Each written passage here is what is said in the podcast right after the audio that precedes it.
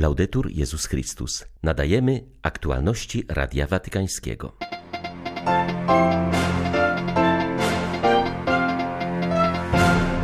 Kuria nie powinna mieć charakteru korporacyjnego, lecz ewangeliczny, naznaczony pokorą, mówił papież na audiencji dla kierownictwa watykańskich dykasterii. Na przedświątecznej audiencji papież przyjął też pracowników Watykanu. Życzył im, aby doświadczyli ojcowskiej ręki Boga. Na wyjątkowe Boże Narodzenie bez pielgrzymów przygotowują się chrześcijanie w Betlejem. 23 grudnia witają Państwa ksiądz Krzysztof Ołdakowski i Łukasz Sośniak. Zapraszamy na serwis informacyjny. Pokorze, która powinna stać się stylem kurii rzymskiej, mówił Franciszek w czasie przedświątecznego spotkania z jej pracownikami. Zachęcał, by pozwolili się ewangelizować pokorą Bożego Narodzenia. Ojciec Święty podkreślił, że kuria jest nie tylko narzędziem logistycznym i biurokratycznym dla potrzeb Kościoła powszechnego, ale pierwszym organem do dawania świadectwa. Stąd nie powinna mieć charakteru korporacyjnego, ale ewangeliczny. Bożonarodzeniowe spotkania papieża z kurią rzymską rzymską to okazja do wymiany świątecznych życzeń, ale i podsumowania kończącego się roku. W swej refleksji papież wyszedł od tajemnicy Bożego Narodzenia, która najlepiej streszcza się w słowie pokora przestrzegł, by nie chować się za chwałą tego świata, szatą pełnionej roli i maskami uznania społecznego. Mówił o niebezpiecznej pokusie duchowej światowości oraz przestrzegał przed pychą.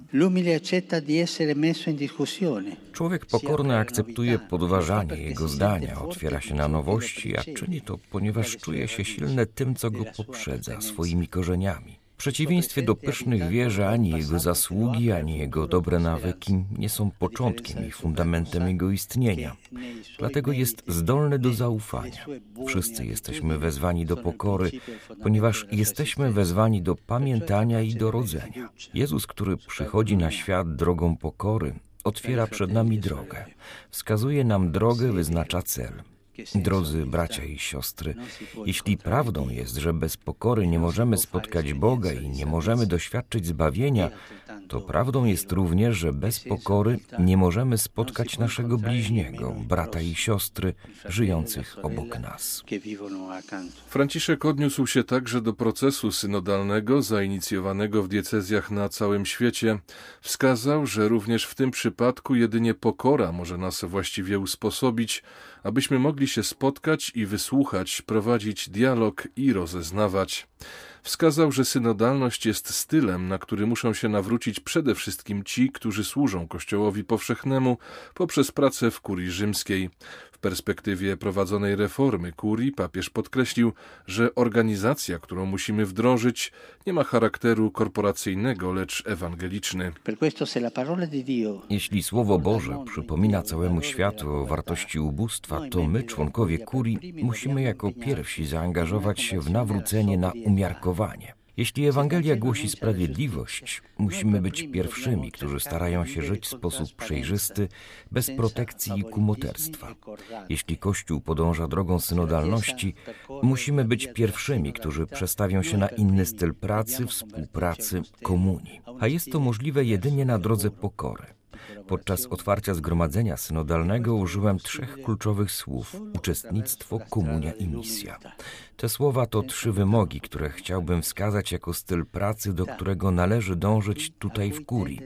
Trzy sposoby na to, by droga pokory stała się drogą konkretną, wprowadzaną w życie.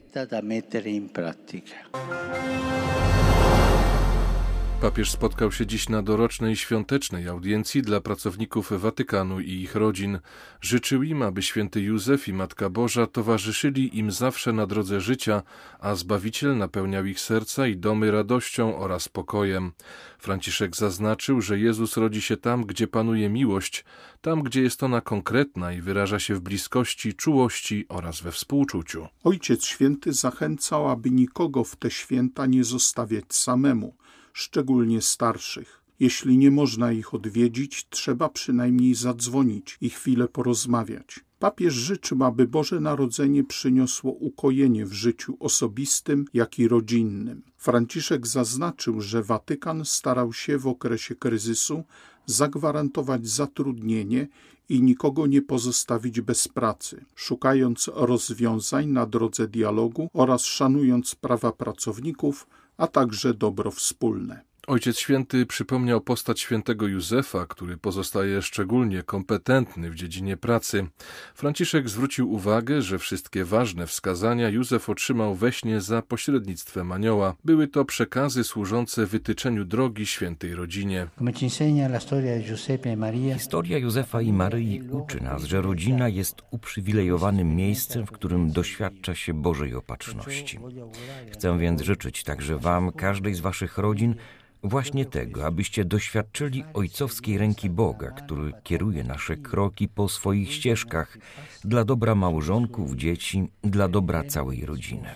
Boże plany nie zawsze są jasne, często potrzebują czasu, aby się objawić, wymagają cierpliwości, a przede wszystkim wiary, wielkiego zaufania, że Bóg chce dla nas oraz naszych bliskich tylko i wyłącznie dobra większego dobra dla nas i naszych bliskich. Trzeba czynić właśnie tak jak święty Józef. Oddać się Bogu to właśnie wyraża sen, aby przyjąć Jego przesłanie.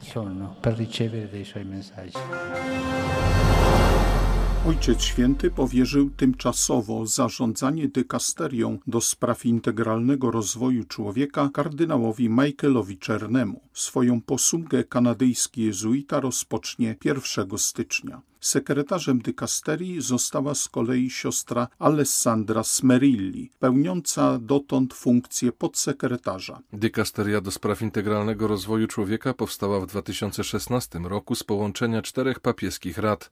Na zakończenie pierwszych pięciu lat działalności przeprowadzona została wizytacja ewaluacyjna dykasterii, która odbyła się latem ubiegłego roku. Po jej zakończeniu przełożeni dykasterii oddali się do dyspozycji papieża.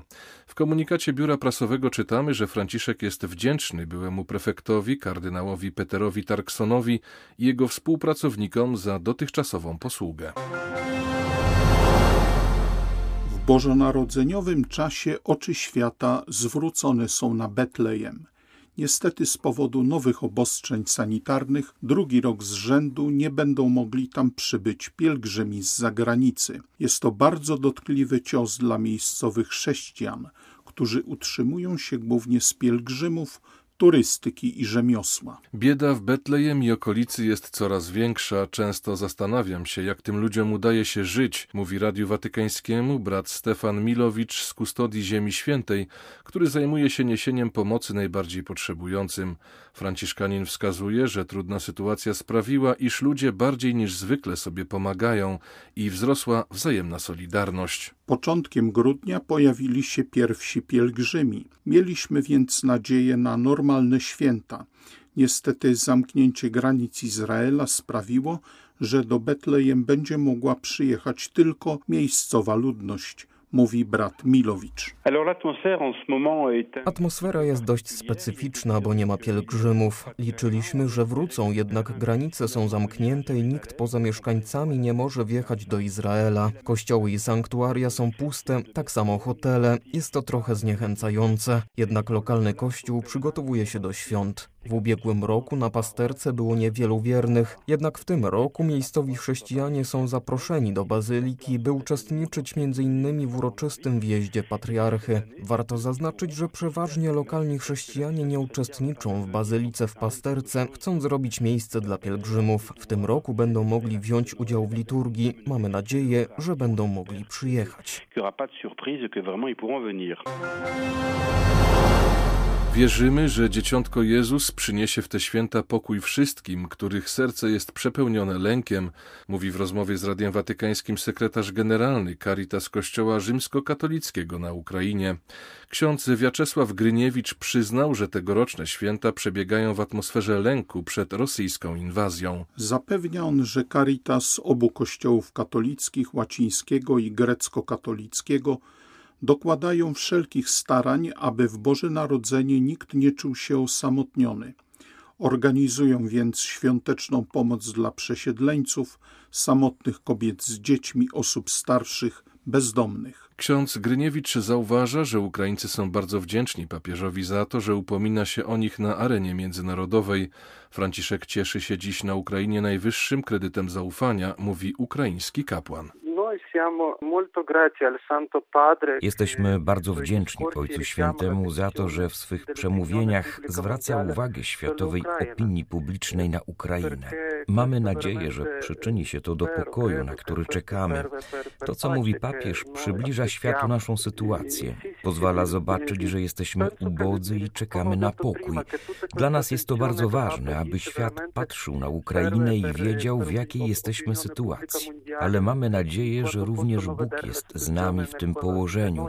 W te święta wszyscy mamy serce przepełnione lękiem, ale mamy nadzieję, że Boże Narodzenie przyniesie nam oczekiwany pokój również dzięki modlitwie Kościoła Powszechnego.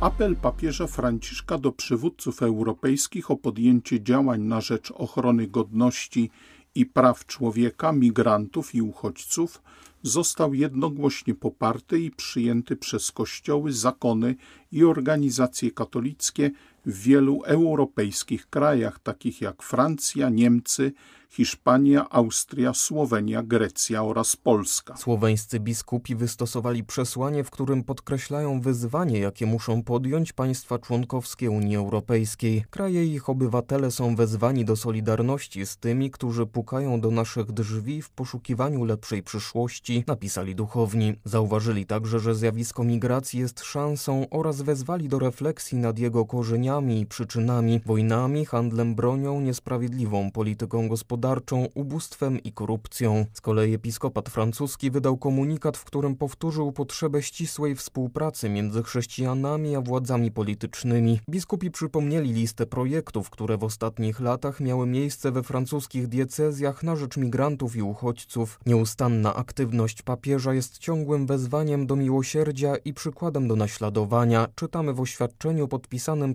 arcybiskupa Hamburga Stefana Hessego. Zauważył on, że nie poprawiła się sytuacja osób przemieszczających się w obszarze śródziemnomorskim przy wschodnich granicach Unii i na Bałkanach. W tym kontekście Kościół w Niemczech wzywa do rozszerzenia programów przyjmowania uchodźców i zwiększenia wysiłków w celu przezwyciężenia kryzysu w tych obszarach oraz wyraża gotowość do współpracy z rządem Olafa Scholza.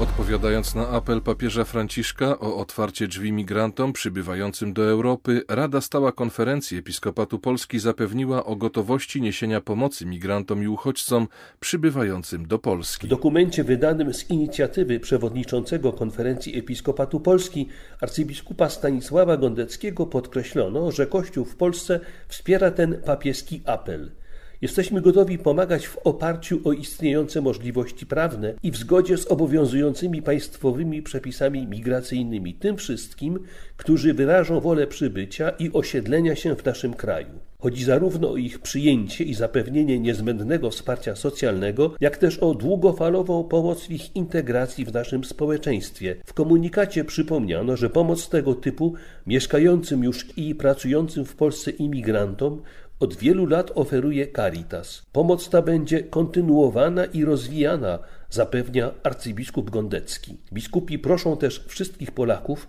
o modlitwę w intencji znajdujących się w potrzebie migrantów w Europie i na całym świecie. Z Warszawy dla Radia Watykańskiego ojciec Stanisław Tasiemski, dominikanin. Były to aktualności Radia Watykańskiego. Laudetur Jezus Chrystus.